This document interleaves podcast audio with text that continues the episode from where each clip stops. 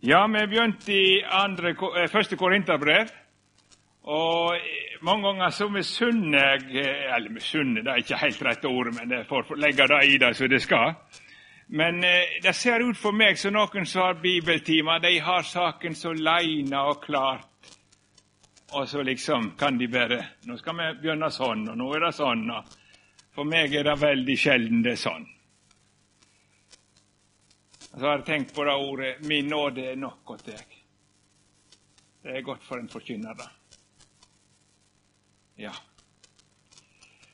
Nå har det blitt sånn for meg at jeg skal prøve eh, Det blir delvis noe repetisjon, for det emnet vi hadde i går, det var så stort, og det var så uendelig mye viktig, at det er blitt sånn for meg at jeg tror jeg får for fort, eller vi kunne ikke fare så fort, vi må stoppe litt grundigere for noen ting. Sånn er det blitt. Og så skal vi prøve å etterpå, i den andre timen, om det går sånn som jeg har tenkt, så skal vi inn i det femte, og kanskje òg nevne lite grann om det sjette kapitlet i første Korinterbrev. Det er tanken min. Jeg tror vi samler oss i bønn. Kjære Herre og Frelser.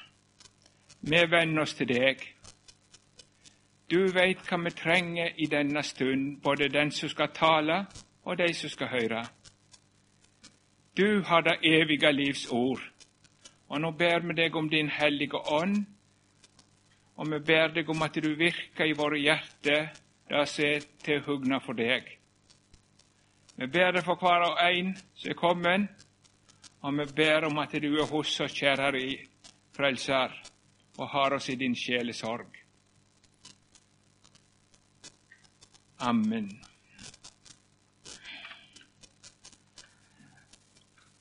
Ja, jeg tror jeg begynner i dag med å lese to avsnitt. Ehm, jeg vet mest ikke hvem jeg skal lese først, men jeg kan lese eh, fra to, kapittel 2, og så skal jeg lese litt fra kapittel 3 i Jesu navn fra kapittel 2, vers 1 i første Korinterbrev. Det ble òg lest i går, forresten, til åpning. Og da jeg kom til dykk, brød, kom jeg ikke med mesterskap i tale eller visdom, da jeg forkynte dykk Guds vitnesbyrd. For jeg vil ikke vite noe hjå dykk uten Kristus Jesus og Han krossfest. Jeg var jådykk i veikskap, i stor åtte og min tale og min forkynning var ikke med visdomsovertalende ord, men med prov av ånd og kraft. Så trua dykkar ikke skulle grunna, være grunna på menneskelig visdom, men på Guds kraft. Likevel, visdom taler vi mellom de fullkomne, men det er en visdom som ikke tilhører denne verda, eller herrene i denne verda, de som går til grunne. Nei, som en løgndom taler vi Guds visdom, den dulde som Gud fra evige tider fører etla til vår herligdom. Denne visdommen kjente ingen av herrene i denne verda, for hadde de kjent Han, da hadde de ikke krossfest herligdommens Herre. Men som skrevet står, det som auga ikke så og øyra ikke hørte, og som ikke kom opp i noe menneskehjerte, det har Gud etterlatt de som elsker Han. Men oss har Gud åpenbæra det ved sin ande. Jeg stopper der I, med lesinga i det avsnittet, og så går vi til det tredje kapitlet. Og da leser jeg fra vers 9, tror jeg. For vi er Guds medarbeidere. Det er Guds åkerland, Guds bygning. Etter den Guds nåde jeg har fått, har jeg lagt grunnvoll som en vis byggmester, og en annen bygger videre på han. Men hver ein sjå til korleis han bygger videre. For ingen kan legge en annen grunnvoll enn den som er lagd, det er Kristus Jesus.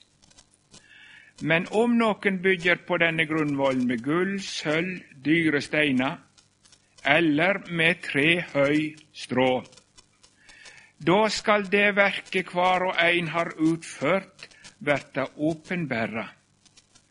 Dagen skal syna det, for han vert åpenbæra med eld. Korleis verket til den enskilde er, det skal elden prøve. Om det verket som en har bygd, blir stående, da skal han få si lønn. Brenn verket hans opp, da skal han missa lønna. Men sjøl skal han bli frel verta frelst, men da som gjennom eld. Der stopper jeg. Eh, for de som har lest og hørt det forkynt over den siste teksten, så har en nok sikkert hørt eh, det utlagt med mye godt på den måten at bygningen, det er liksom mitt kristenliv. Og den som er bygd på Jesus Kristus, han går ikke fortapt, for det holder. Men så er det hvordan kristenlivet sin gjerning skal bli. Det skal prøves på ildprøven. Og da er det ikke alt jeg har vært med kristen, så, som kristen som holder mål. Det står om noen verket brenner opp. Det vart ingenting att. Men sjøl skal jeg bli frelst hvis jeg sjøl var bygd på grunnvollen. Det er, er mye sant og mye rett i den utleggelsen. Og Likevel så tenker jeg at eh, Erling Danbolt har rett når han ser det i litt større perspektiv. For bygningen i sammenhengen er ikke den enkelte kristne, men det er menigheten. Det er menigheten i Korint det er snakk om. Og det gjelder alle Guds menighet. Det er menigheten som er bygningen. og det kan anvendes på den enkelte kristne. Men det er litt utenom det er menigheten. Og det er blitt en kristen menighet i Korint, og den var grunnlagt av apostelen Paulus. Og han grunnla han på Jesus Kristus. Og nå er de i en situasjon Nå skal vi ha bygge videre i menigheten. Nå skal menighetsarbeidet fortsette. Hvordan skal vi bygge videre? Hvordan skal vi gripe an? Og Hadde det vært nå for tida, så hadde du kunnet tenke deg en, en konferanse eller medlemsmøte der Hvordan skal menigheten vår vokse?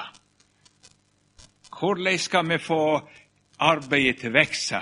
Vi vil jo at det skal bli flere frelst. Vi ønsker at menigheten skal øke både i, i tall og alt. Så hvordan skal vi gripe det an? Eh, overalt stilles det spørsmål. Eh, det er snakk om å, å, plante menigheter, og det er snakk om å, å menighetsvekst. Og det er i grunnen i den settingen det står her. Og så er de frista for, eh, som jeg sa i går, det er et sterkt, massivt hedenskap der de, de hadde som kristne, var sitt på så dårskap. Ord om korset. Jesus som død på korset, det er ikke noe. Og det var så mye som var anstøtelig med det de trodde på, at de andre sa vi vil ikke ha det. Helt fremmed. Det trenger de ikke komme her med. Og så kjente de at de hadde var frista til å skamme seg. Og Det gjaldt òg eh, det kristne livet. For det kristne livet var så helt annerledes. Og så var menigheten frista til å tilpasse seg, sånn at det ikke skulle bli så stort anstøt. En prøvde å tenke sånn, kanskje, at det er jo mye i kristen tro som er så vanskelig for folk. Så da legger vi litt til sides. Og så prøver vi å legge an på det som de syns er fint. Ikke sant? Og når det gjaldt eh, det kristne livet, så tenkte de det er jo best at vi ikke skiller oss så mye ut. Og så virker det inn både på liv og forkynnelse. Og da begynte de sånn som så eh, det er gjort i forskjellige sammenhenger. De Ja, nå, nå sier jeg selvsagt ikke sånn som det var i den tida, men det kan tenke. Hvordan skal vi få folk til å komme i menigheten? Hvordan skal vi få folk til å ville komme inn i dette som vi holder på med? Og så sendte de gjerne en undersøkelse, sånn som jeg har gjort noen plasser. Hvis du skulle begynne å gå i den menigheten, hvordan ville du hatt det da? Og så gikk de på husbesøk og sporet. Nei, det gjorde de nok ikke. Men tankegangen var sånn. Vi må gjøre det sånn at de ikke blir støtt. Vi må ta bort det som støyter, eller eventuelt lure det inn litt seinere. Ja, det er lett å tenke sånn. Og mange tenker sånn. Den norske kirka i sammenhengen det har tenkt helt sånn. Den mener å forkynne snart ikke annet enn det som alle folk er enig i. Verslige. Ikke noe som skal stikke. Ikke noe som skal være vondt. Ikke noe som skal være til anstøt. Så teier en om frelse og fortapelse at det er en evighet innenfor eller utenfor. Så ta gjennom om de ting som er, oppleves så hardt. Guds bud inn i livet. Hørte hva ramaskrik det ble når han, eh, presten oppe i Kautokeino eller hva det var, hadde konfirmantundervisning. Og så la han ganske enkelt ut i ti bud. Nei, noe slikt tar vi avstand ifra. Kan du tenke deg? Det var så anstøtelig at de hadde full av hyre med å vaske hendene sine, så de slapp ha noe med den mannen å gjøre. Ikke sant? Og, og så når det gjelder selve ordet om korset Det er jo det mest anstøtelige som kan tenkes. For det dømmer de beste menneskene til døden. Ja, det gjør det. Når du har ytt ditt beste, da er du dømt til døden under Guds dom. Så korset er dødsdommen over alt menneskelig. Alt som kommer fra det naturlige mennesket. Og for eh, ikke snakke om evangeliet, er det alvorlige ordet anstøtelig, så skal ikke de tenke at det er mindre anstøtelig med evangeliet om frelse av en bare til de som ingenting har fortjent. Jeg husker eh, han Knut Pedersen, noen av dere kjenner jo han. Han hadde en stund jobb på, på en Ja, det var i kommunal sammenheng. Han hadde en sommerjobb. Og Han var jo predikant, og da sa han jo ifra om at han hadde reist og forkynt Guds ord. Og Da hadde de jo behov for å diskutere litt med han, og det var noe sånn i all vennlighet på arbeidsplassen. Og så la de fram foran forskjellige problemer. Da ble det snakket i lunsjpausene om abort. Og Til å begynne med så var det voldsomme protester på det han sa. Men når de var ferdige med diskusjonen, så sa de i grunnen har du vel rett, sa de. Og så, og så var det om ekteskapet. Det er jo sånne ting som det lett tar fyr. Og de var voldsomt til å begynne med å si imot han. Men når han hadde fortalt enkelt om Guds ordninger og hvordan Gud hadde tenkt Du har i grunnen rett, sa de. Og så når han skulle slutte i arbeidet, så tenkte han med seg at det jo, har jo vært gildt, dette, og de har snakket med meg, og vi har det i grunnen greit. Så svor han nå har det spurt meg en god del, og spurt hva jeg mener om forskjellige ting. Men jeg har i grunnen ikke fått sagt det som jeg aller helst vil si når jeg reiser. Og så reis, eh, tok han ordet, og så vitna han enkelt om frelsen i Jesus. Fordi Jesus har kjøpt oss fri ifra hele syndebyrda og kjøpt oss til Gud med sitt blod. Og det rekker oss ei fri gave, alle sammen, til alle som ikke har fortjent noen ting. Og de sitter og hører på, og så kommer det 'Den er for billig', sa de. Da sa de ikke lenger 'Du har i grunnen rett', men 'den er for billig'. Der kunne de ikke følge han. Det støtte an mot deres religiøse følelse. Aldeles. Og det kom vel igjen, av at de ikke var kommet på fattigkassa, de var ikke kommet på den fortapte tilstand. Når du kommer der, så er det ikke noe annet som kan berge deg. Ja vel. Nei, i Korint så merker de at dette er jo sannelig anstøtelig å begynne med dette. Du kan ikke regne med at folk vil høre på sånt. Så tenkte de, hva er det som er stort i Grekerland? Jo, jødene krever tegn. Så kunne vi vise til noe mektig, så kunne kanskje de. Og så grekerne visdomtale, filosofi. Eller hans, eh, eh, apostelen sa her hvordan han ikke kom.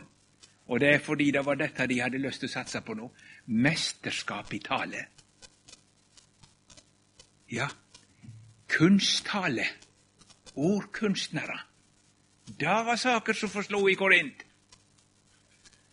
Det var virkelige talegaver som briljerte. Det er saken framigjennom. Og så store, høgløftige filosofiske ting, det biter de på i Korint. Så i stedet for å forkynne beint fram ord om korset, så tenkte de her er veien. Da vil korinterne høre på oss. I det tok de feil. Det de tenker, er at det er noe i det verslige mennesket som Gud kan bygge på. Så, de, så kan de føle at det, å ja, når det er sånn, ja, da er det noe for meg.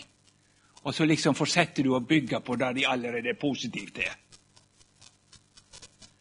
Det er en falsk tanke om hvordan det uomvendte mennesket egentlig er i forhold til Gud.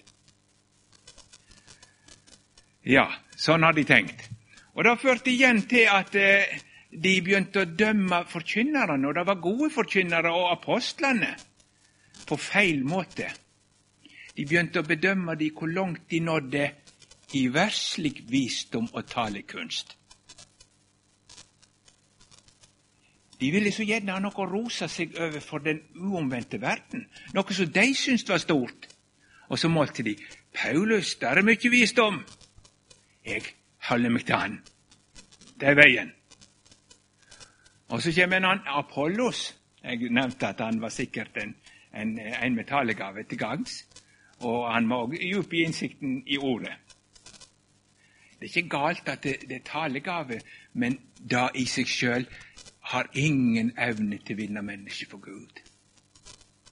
Ingen evne. Og når de satser på dette, så begynte de å satse på det som ikke kunne frelse. De begynte å satse på halm og høy og strå. Det betyr ikke at ikke menigheten kan vokse med sånt. Mange plasser har de en stor menighet, men den er bygd med halm og strå. Det eneste som kan bygge den sanne menighet, det er Guds levende ord med sitt sentrum i ord om korset.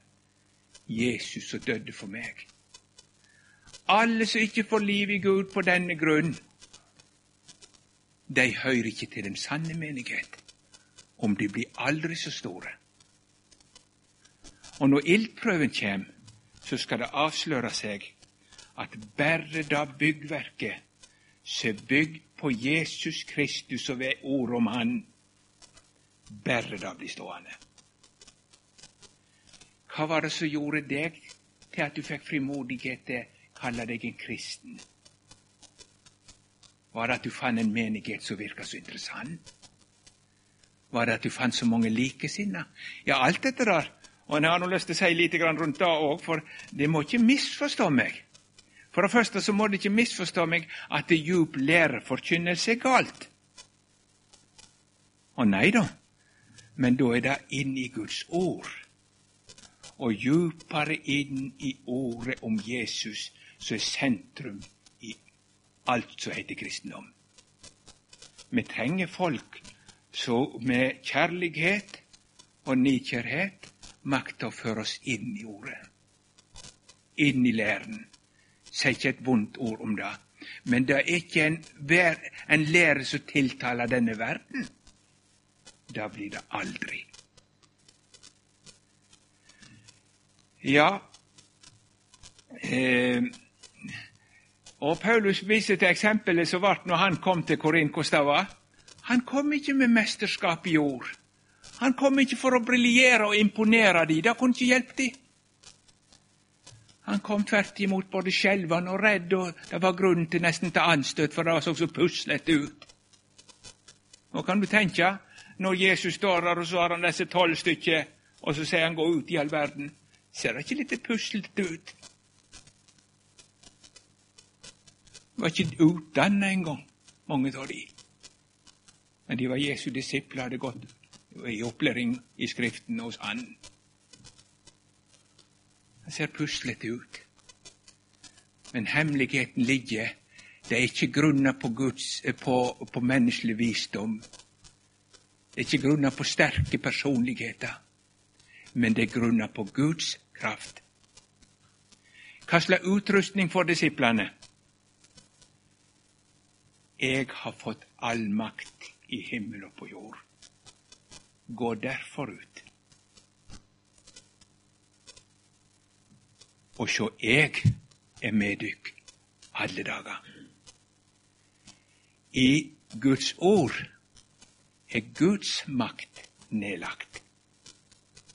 I evangeliet er Guds makt til å gi liv av døde. Må vi aldri tenke feil. Det er ingenting annet som kan virkelig. Men, men dere må ikke tenke på den måten, og det var det jeg hadde lyst til å si, at det, det er ikke mitt poeng å prøve å gjøre det så anstøtelig som mulig med, med dårlig oppførsel eller gammeltmodig språk eller eller sånt. Det er ikke på den måten det skal være anstøtelig. Nei, forkynn innholdet i Guds ord så tydelig som råd.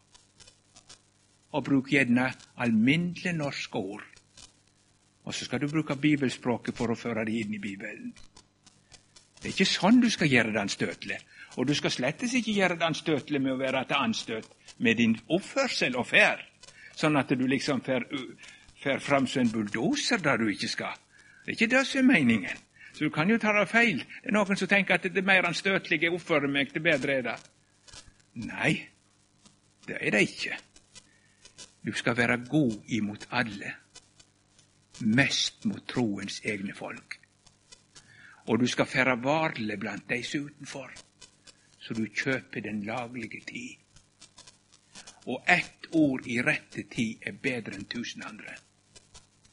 Så vi må ikke tro at vi kan gå rundt som noen herrer og briljere med å bare slenge ut alvorlige ord hvor tid som helst. Her gjelder det at vi går sammen med Frelseren og lar oss lede av Han. Så jeg ikke skulle bli misforstått, har jeg lyst til å si det. Men ingenting av det som verden har og syns om, kan hjelpe dem i deres sjelesak. Ingenting. Og hvis du prøver å gi dem det, så hjelper du det ikke. Hva er stillingen for et uomvendt menneske?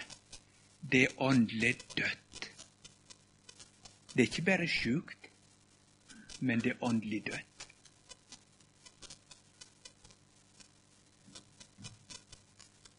Husker det utenfor Lasarus' grav. Lasarus ligger der inne. Og Nå kunne vi hatt menighetsmøte og snakket litt sammen. Hva skal vi gjøre for at det skal komme liv i Lasarus? Hva slags taktikk skal vi gjøre? Nytter ikke med taktikk, da.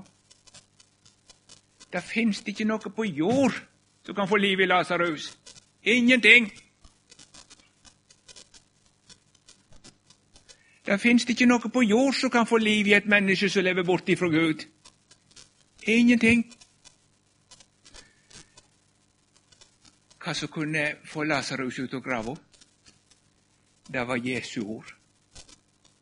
For det hadde livet i seg, og han er sjøl livet.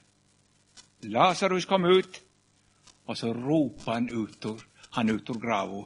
Så tegn på at han i sannhet er Messias, og også tegn på at det, hans ord har guddomsmakt på jord til å gi åndelig liv.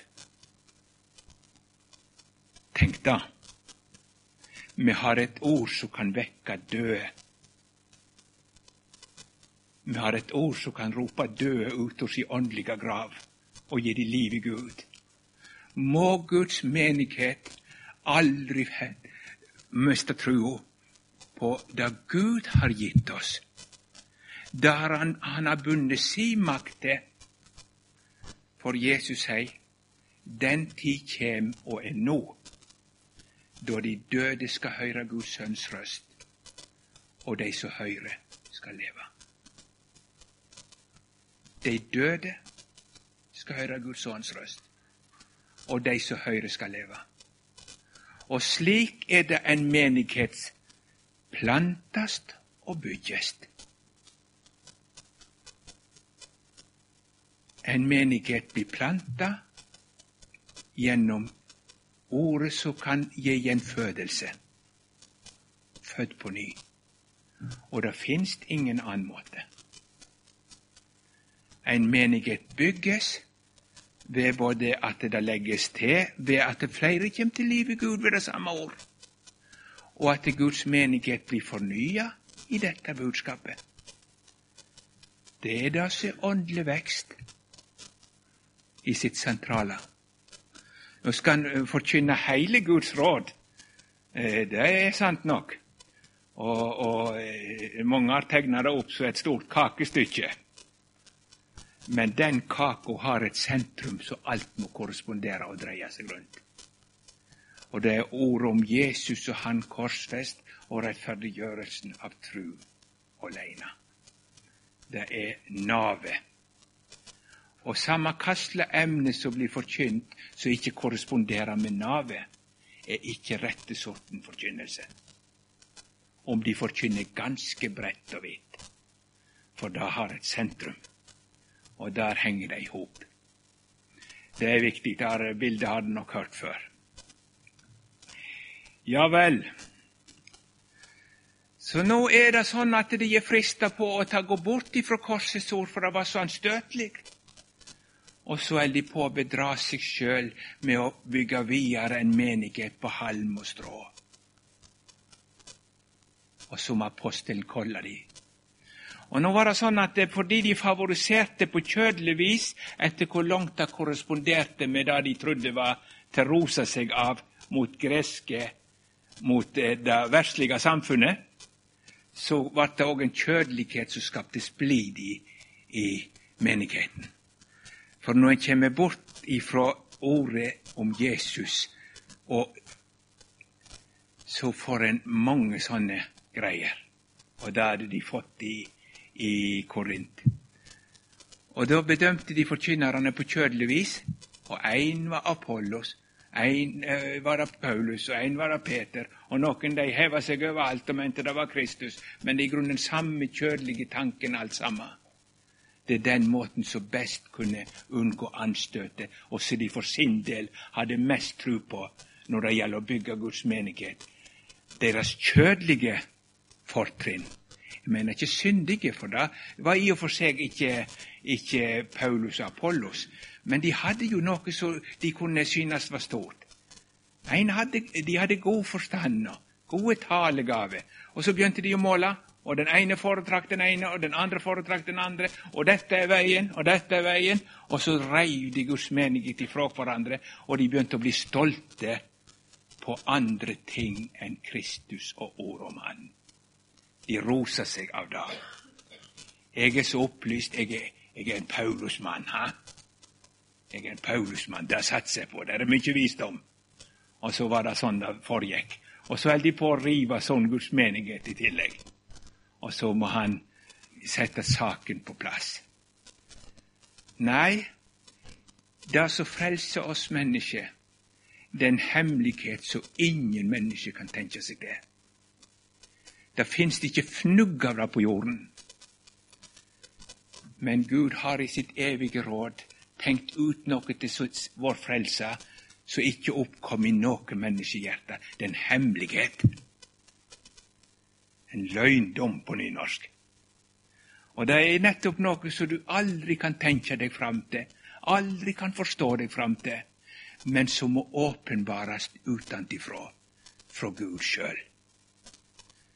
Og Gud sjøl har bundet den åpenbaring til evangeliets ord. Evangeliet. Så bare gjennom evangeliet kan Gud åpenbærer det som er gitt til frelsa, så du ser og blir frelst. Bare gjennom evangeliet. Der har Gud lagt si frelsende kraft ned, og der ligger det den dag i dag. Når, eh, når jeg sier evangeliet i snever forstand, så må ikke det tro jeg forakter loven, men loven kan ikke skape liv i Gud. Loven den skal gjøre deg dødsdømt og skyldig for Gud, så du trenger reddast med hud og hår. Der skal loven. Men evangeliet, det er så sterkt at det skaper liv av døde. Du kan sitte som en tom sekk, som et syndig menneske, og så kan du bare høre hva Guds ord forkynner. Og så får du liv av døde. Og Odland sier noe som jeg har hatt med meg når jeg har reist rundt om. Overalt der evangeliet forkynnes, høres og betraktes, tar Den hellige ånd og legger det inn til hjertene, sier han. Og så sant ordet ikke avvises i vantro, kommer det til å frelse den som hører det. Ja.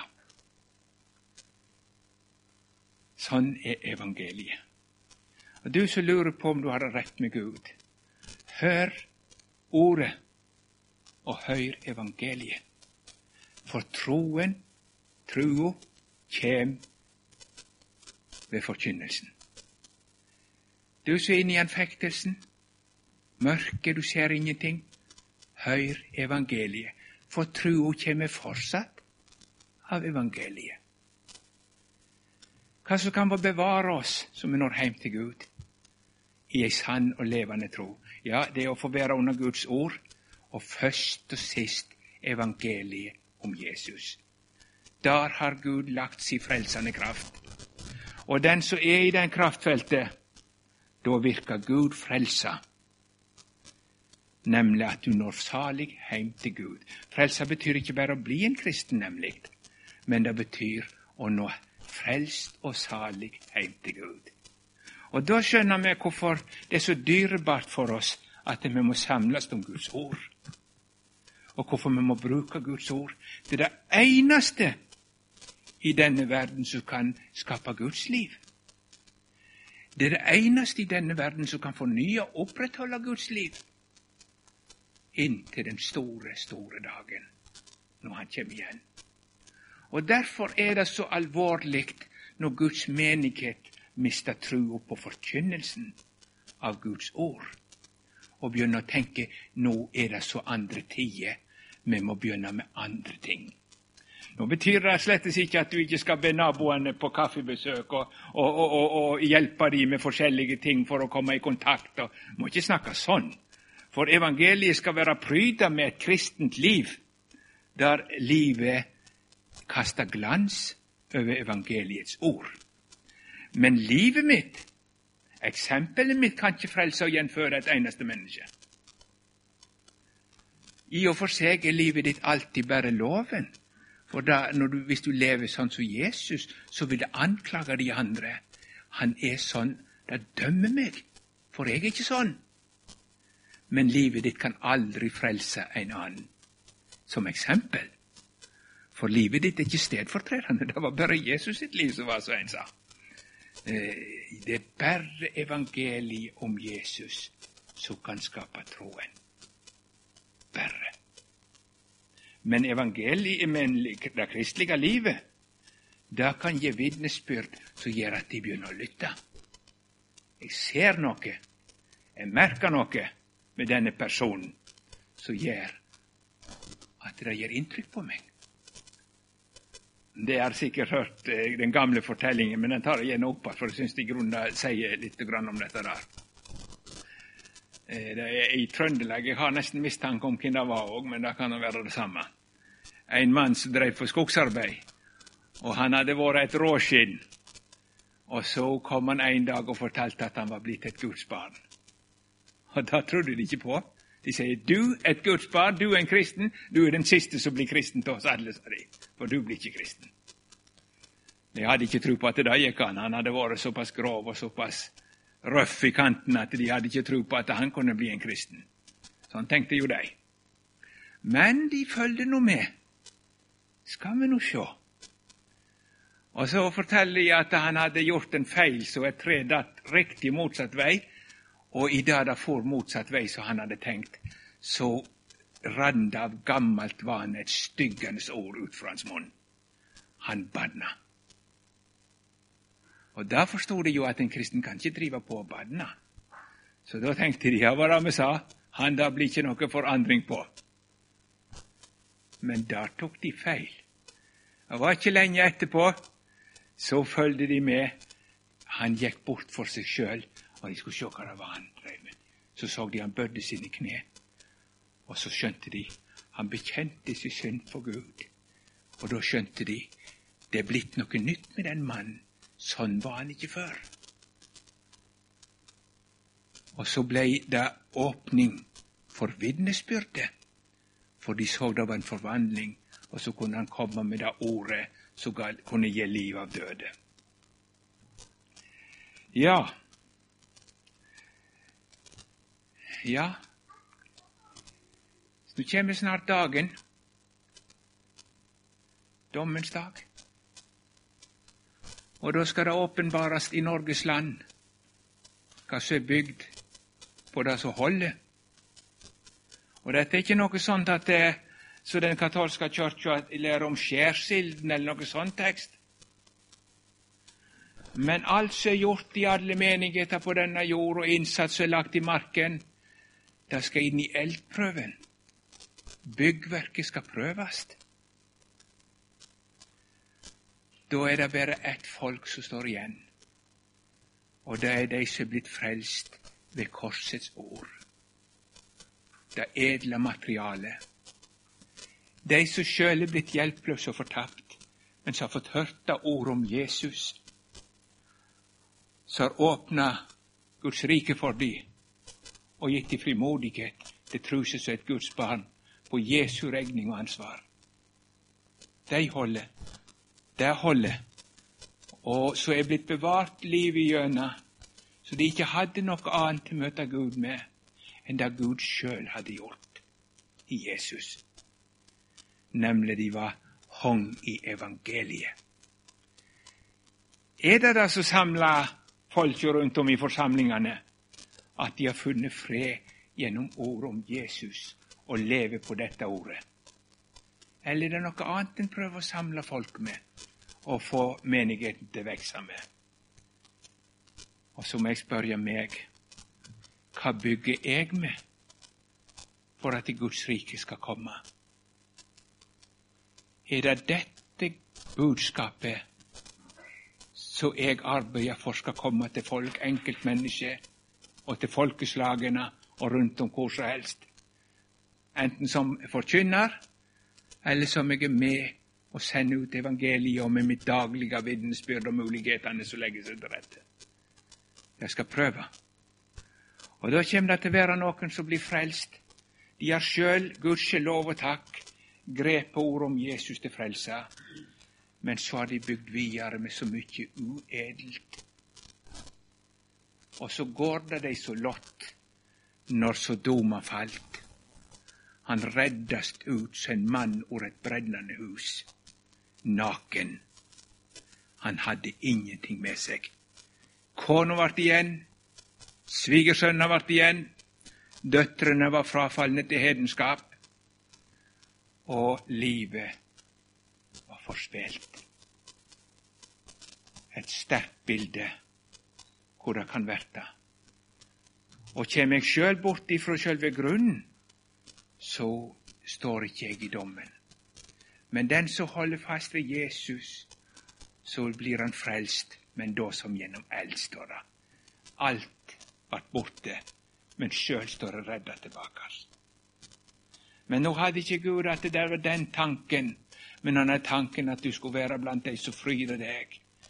For ikke bare for nådens skyld, det er den store, store gleden, men òg at du hadde fått lov å gitt videre det eneste som holder i liv og død. De forteller en fortelling om den gamle biskopen som heter Høk. Han hadde vært en underlig mann. Han var så mot legmannsarbeid ei stund at det var ikke mange som var såpass imot det. Og, men han var en evangeliets forkynner. Det var han som forkynte nå eh, eh, Johannes Brandtzæg, som var førstelederen i misjonen vår, eh, som jeg reiser i, når han kom til tru. Han var blitt vakter, han hadde gått sammen med kameraten sin, og så hadde kameraten spurt hvis du datt ned her og nå og død, hadde du gått inn i himmelen, hadde du blitt salig. Og Det ble så alvorlig for Johannes Brandtzæg at vekkelsen begynte i livet hans. Hvor er jeg egentlig? Så har han gått og kjempa og kjempa for å komme til visshet om at han kunne være et Guds barn. Og så hører han han eh, høk, og så lysner det for han. Jeg skal ikke gå inn på den. Men nå er Høg kommet på sitt siste. Av sykdom så har han leie, sier han, og ikke kunnet sove. Og jeg har funnet så mye som jeg har måttet angre. Så han gjennom livet hva han drevet på med. Kom det fram det ene til det andre. Og så sier han jeg fant så mye som jeg måtte angre. Ja, jeg har i grunnen måttet angre alt, sa han. Men én ting angrer jeg ikke. At jeg har forkynt Jesus. Det angrer jeg ikke. At jeg har forkynt Jesus. For nå så han det. Det er det eneste som står til sist. Det er det Jesus er og har gjort. Hvor salig da den som når alt farer hen, har Jesus og himmelen igjen. Og du veit da jo, du som er kommet til fred med Gud, hva som kunne berga deg. Så gi det videre, det som kunne berga deg.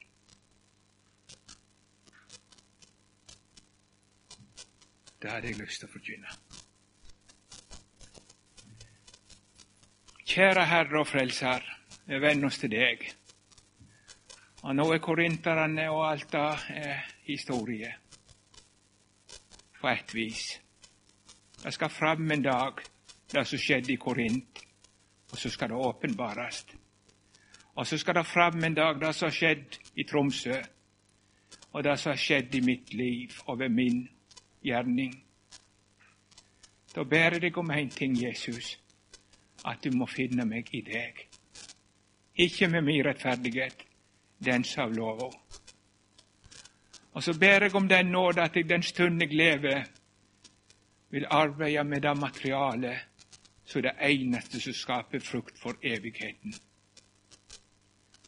Ditt levende ord og ditt dyre evangelium. Amen.